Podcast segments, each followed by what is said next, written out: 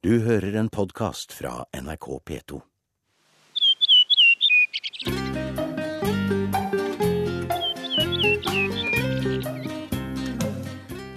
Hei. Mitt navn er Hilde Sandvik, og jeg er journalist.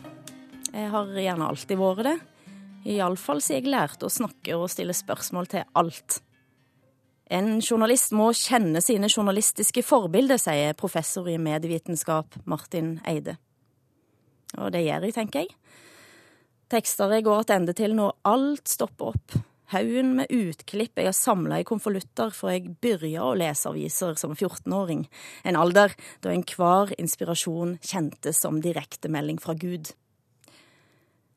I den vesle timen jeg har fått av P2, skal jeg fortelle om et lite knippe av de mennesker jeg ikke kommer utenom. Noen av de nære. Andre har kommet på gjennomreise, sveipa forbi med en slengkommentar utstyrt med hake som på en fiskekrok, og som ga livet retning. Ingen av de er journalister. For langt mer enn de journalistiske verktøyene kan skaffe seg i løpet av et yrkesliv, så er det dette det handler om. Hva driver en? Hvor er en fra? Ja, men viktigere, hvor skal en? Og vi skal ut på veien. Men først musikk. Skapt gjennom rutine og oppdrag i en kreativ eksplosjon musikkhistoria ikke har sett maken til, så vokste noe av det vakreste fram på notearka i Leipzig på 1720-tallet. Bachs kantater. Vi skal høre fra samleplata Cantatas med Ton Korpmann. Nederlenderen som setter seg føre å spille inn alle kantatene med Amsterdam Baroque Orchestra and Choir. Og i 2005 så var verket fullført. Vi kommer inn i orgelkantate 146, komponert for tredje søndag etter påske, jubilatesøndagen. er müssen durch viel Trybsal. Vi må gjennom mykje sorg. Dette er ikke den svarte, maktesløse sorga, det er den arbeidende, desperate, den som ikke gir etter, vi skal høre et orgel skrike og pumpe mot ei forløysing. en organist som jager blodet attende inn i kroppen. De sorg skal vendes til glede. Nå. Her. Morfar. En skal ikke ha vært lenge sammen med meg før jeg kommer trekkende med morfar. Noen mennesker er som stabbesteiner i livet. En stabbestein er en stor og tung stein som er sett på ende på veikant til verms for de som kjører. Morfar var en sånn men han var mer opptatt av å bygge veier enn å gro fast veien. Fra en bitte liten fjellgard, farløs fra han var 14 og et farsubstitutt for småsøsken før han fikk sine egne ti barn, mellom deg, mor mi.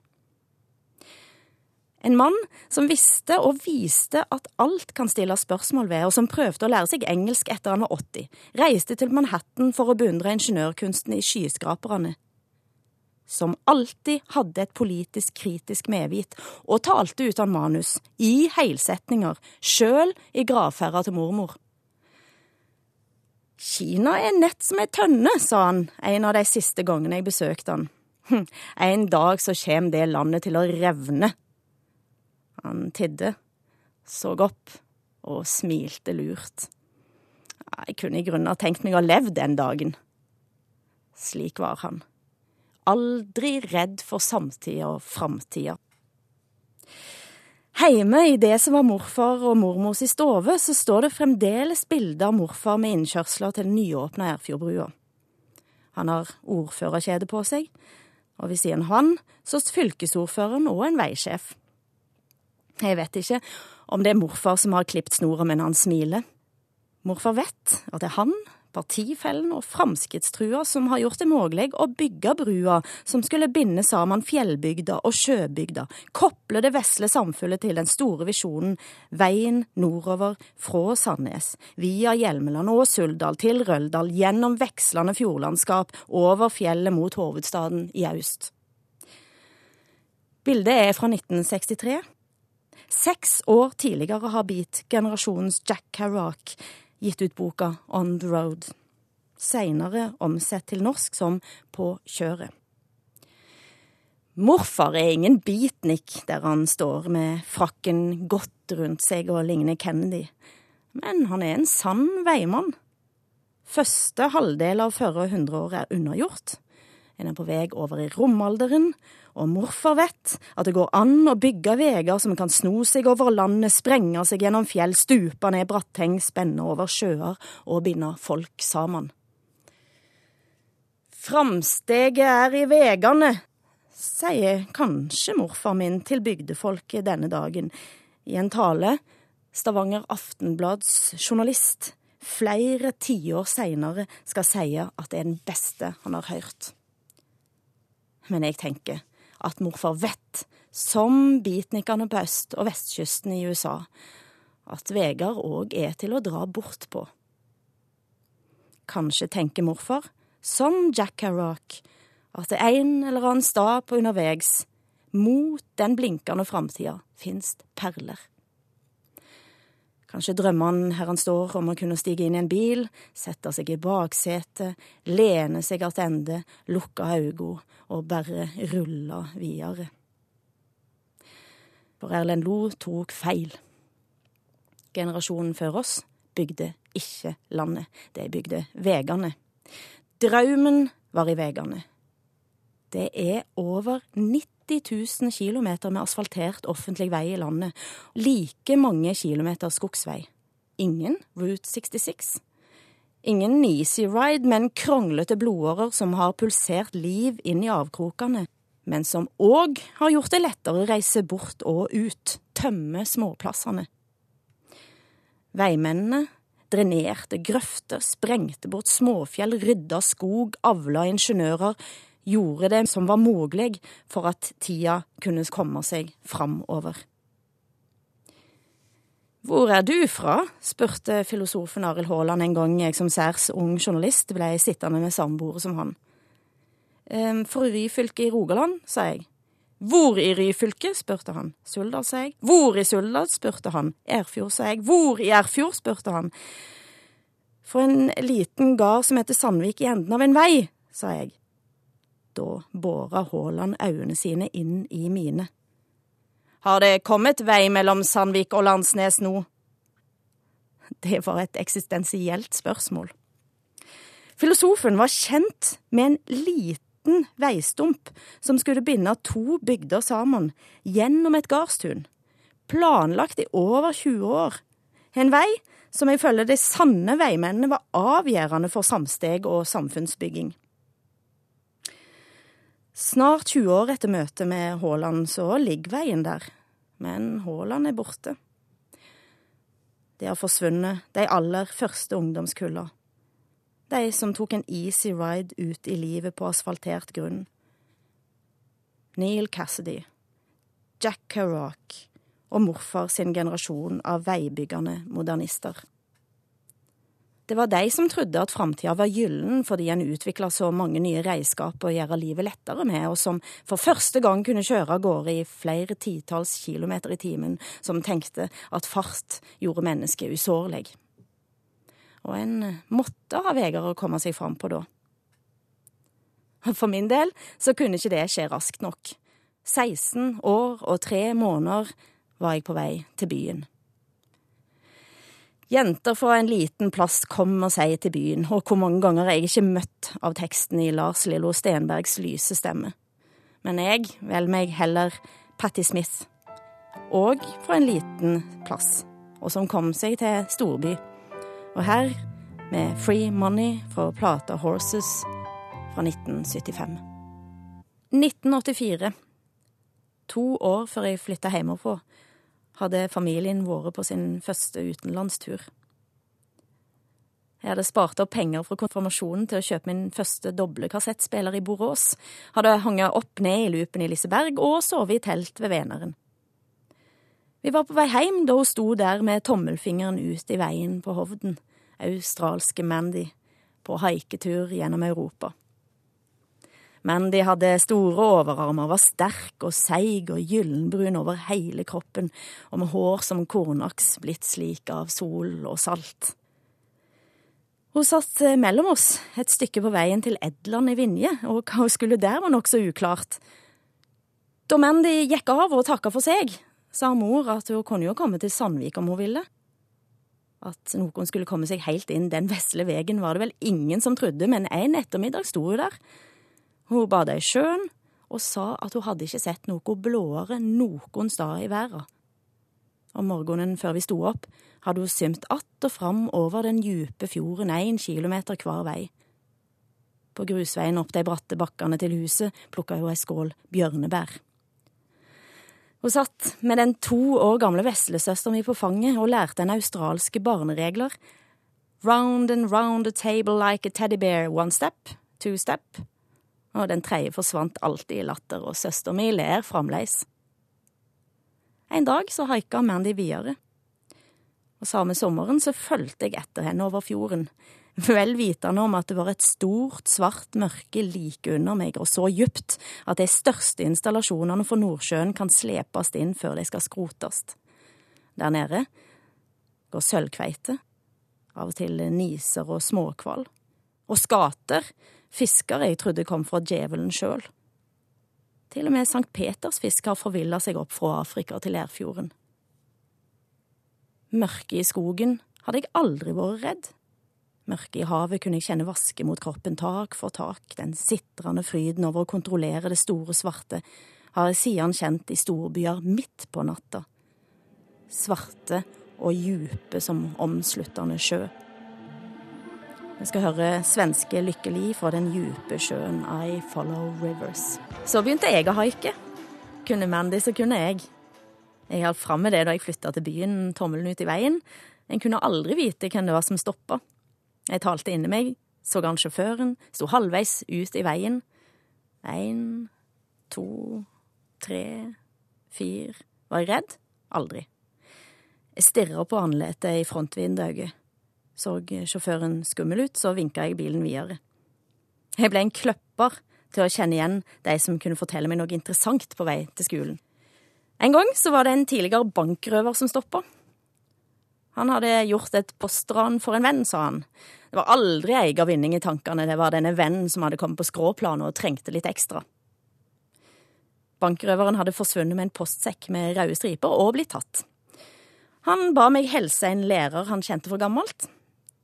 Denne læreren visste at han hadde sittet inne, men ikke at han var ute igjen i friluft, påsto han.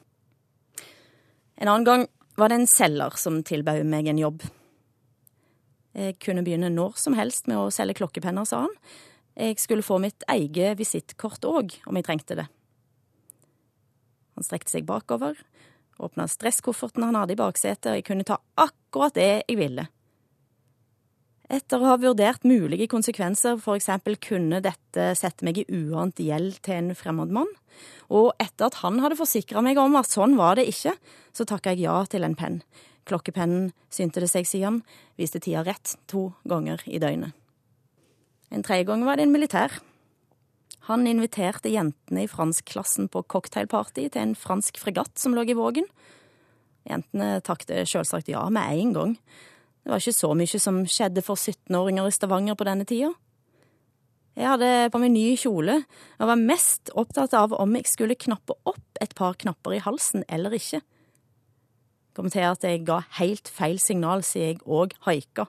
Jeg knappte kjolen til haka og snakka fransk så nasalt jeg kunne.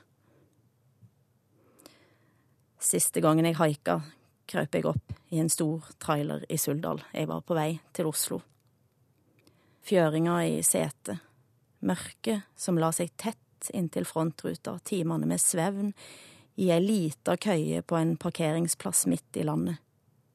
Den første grålysinga før en duva inn i byen med den grønne og gule Suldal Bilagslogoen på sida. Slik Alma i filmatisering av Olaug Nilsens Få meg på, for faen. Tatt opp i Suldal. Same veien.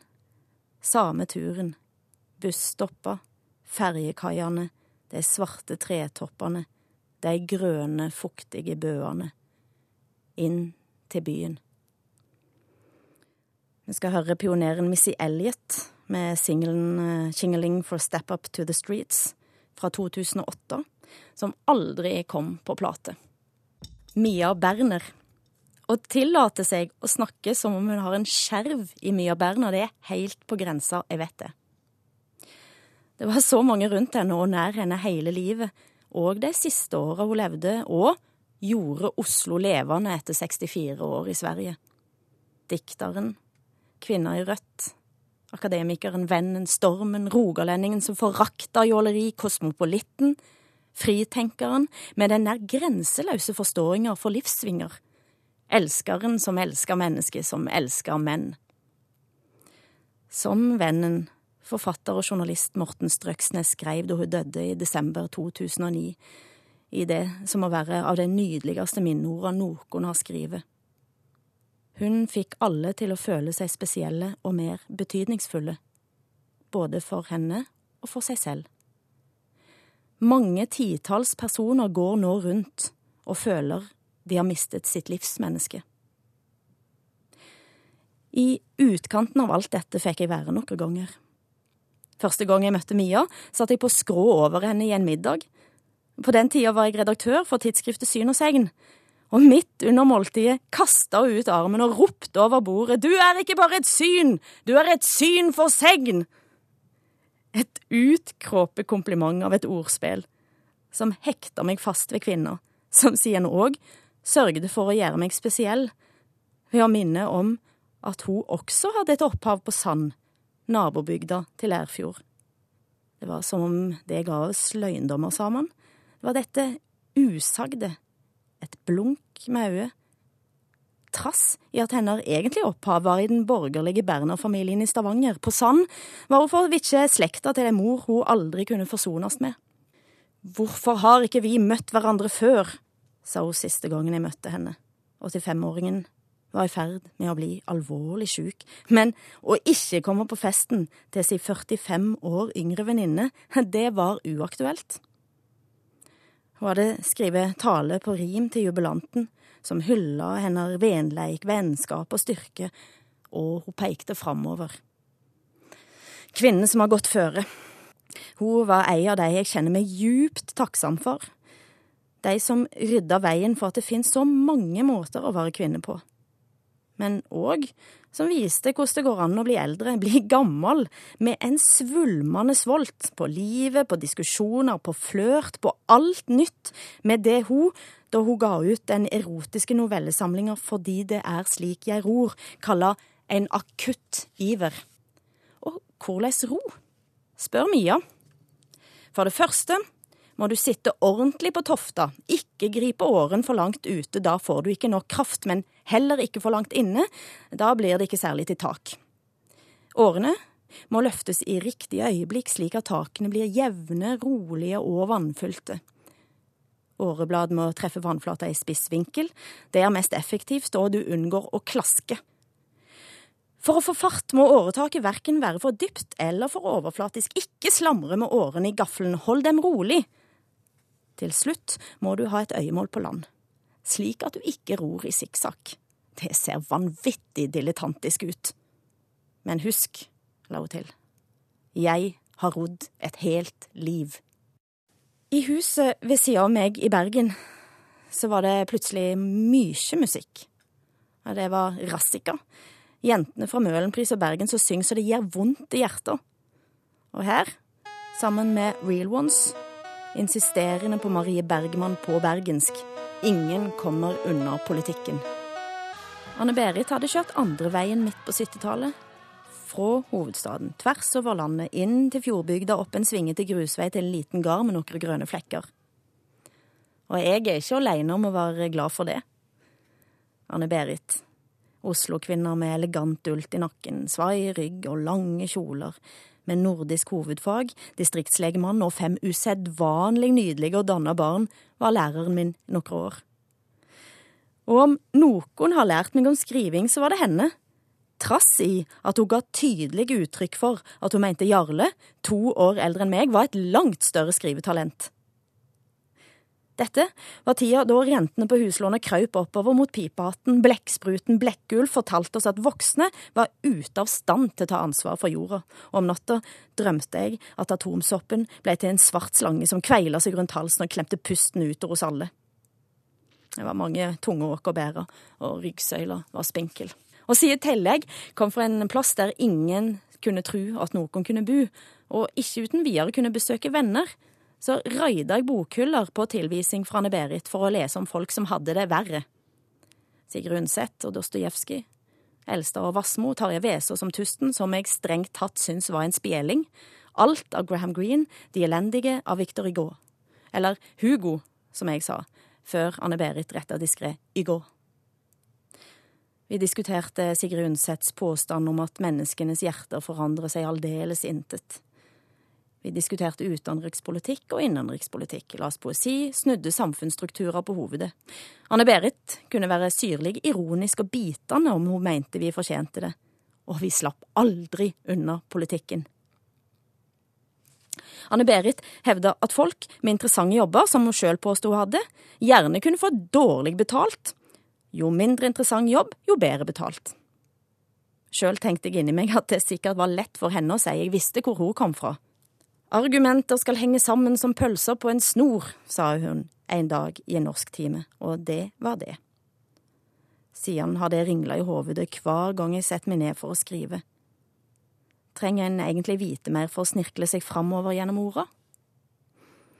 Den gode læreren. Få personer kan ha så stor innvirknad på et menneskes liv som henne og han. Og da Albert Camus fikk nobelprisen i litteratur i 1957, skrev han takkebrev til sin tidligere lærer Germain Louis. Sitat. I Germains timer følte de for første gang at de virkelig levde, og at de nøt den aller største anseelse. Dette skriver han i den sjølbiografiske romanen Det første mennesket, funnet som uferdig manus i bilvraket der Camus omkom i 1960. Videre, de ble funnet verdige til å oppdage verden. Og læreren selv begrenset seg ikke til å lære dem det han fikk betalt for å undervise i. Han lot dem få del i sitt eget liv, han levde sammen med dem, fortalte dem om sin barndom og om barn han hadde kjent, han la fram sine synspunkter, men red aldri sine kjepphester. Slik var det med Anne-Berit òg, hun levde med oss. Om en av oss slumpa til å skrive en setning som ikke var så aller verst, så så hun bent fram lykkelig ut. Tykte hun vi fortjente noe ekstra, skrev hun brev. Hun gjør det fremleis. Jeg vet om en kilde av Ragnar Vigdal, kveeren fra Luster med den skakke stemmen, insisterende og alvorlig. For å lære å legge tonene tett inntil hans, har jeg spilt denne plata om igjen og om igjen for å komme ned i molla, ned i kjella. Jeg hadde aldri greid det uten jeg kunne ha bøyd kne, sa farmor. Farmor, jeg kommer ikke utenom deg. Wir müssen durch viel Trybsal. Jeg lurer på om du hadde kjent det i kroppen om jeg hadde spilt bare for deg. Hvor mye sorg en må gjennom, hvordan det jager. Lukker jeg øynene, er det første minnet jeg har av deg svart, fløymende hår som renner ned langs ryggen, krøller seg rundt korsryggen, helt fram nedover stolbeina. Svart som svart sorg, som olje, som kål. Du børster håret med lange stråk, ruller det sakte opp i pølser, fester det med hårnåler stramt. Så snur du deg, og du er eldre. Håret er klipt og krølla, men en aner fremdeles det svarte. Du vet ikke hvor du er. Nå er det du som står med tommelen ut i veikanten stadig på haiketur. Jeg har hørt at du har haika med Sirkus Arnardo, du sa du skulle til Namdal, til de vide åkrene til heime i Nord-Trøndelag der du ikke har vært på over 60 år. Nå smiler du til meg med øynene helt attknepte øynene som er stor smilerynke, så blunker du, og biter meg forsiktig i øret slik du hadde som vane da jeg var yngre. Går det an at et liv skal kunne bære så mye som ditt gjorde? Så mye rein smerte? Og likevel, her er det du gjorde for meg. Du synte meg at alt kan lages av alt. En trenger ikke silke for å lage kjoler for prinsesser, en trenger ikke penger for å skaffe seg det som skinner, en trenger ikke dyre treslag for å lage møbler, en trenger ikke annet enn avispapir for å lage skulpturer, treng aldri mer enn et liv for å lage liv. Har han en mjølsekk og ei gardin? Kan det med et trylleslag bli en ballkjole? Finne en erot rot i skogen? Har en emne for et møbel, skreller en et eple og skjer litt i det, ser en et kvinneanlet komme til syne. Ser du det? La oss legge det i komfyren. Se hva som skjer. Eplet krymper. Kjøttet krøller seg. Augo svartner, blir smale kinn og hole huden lerretsbrun. Det er Horga-Retla som ligger der inne. Heksa. En skal være livredd hver adventstid, som går rundt husnovene og kaster vann på vinduene. Sotet på lakenet. Grå hårtuster. Spora etter et horgaretle gjennom livet. Ser du? Jeg ser det, farmor. Så bøyer en kne, reiser seg att, setter seg ei kveldsstund med et stykke papir og en penn. Skriver du fremdeles? Mor mi stiller deg spørsmålet en julekveld hele familien er samla, tre av sønnene dine, svigerdøtre og barnebarn, i en stol farfar, nå uten språk, stiv i ryggen. Ja, jeg skriver, sier du. Du går ned i ditt eget husvære, i etasjen under, kjem opp med et ark og les, om kjærleiken, om å velge feil, om å aldri snakke om det vonde, om år etter år med tagnådd. Tilgi meg, sier du. Det er ikke over ennå. Siste gangen Billie Holiday gikk i studio, hadde livet hennes rivna. Mellom opptakene med arrangøren Ray Ellis drakk hun rein vodka som om det skulle være vann. Kroppen ville ikke mer. Men stemma, den var der, den ville. Noen har meint at det ikke var henne verdig. For meg er plata The Lady in Satin, som kom ut i 1958, noe av det vakreste jeg veit, så tett på råskapen i livet. Så tett på alt en vil. I 1997 kom plata ut på nytt, med ekstrasporet der en hører henne ikke gi seg. En kan ikke gi seg. Time and time again.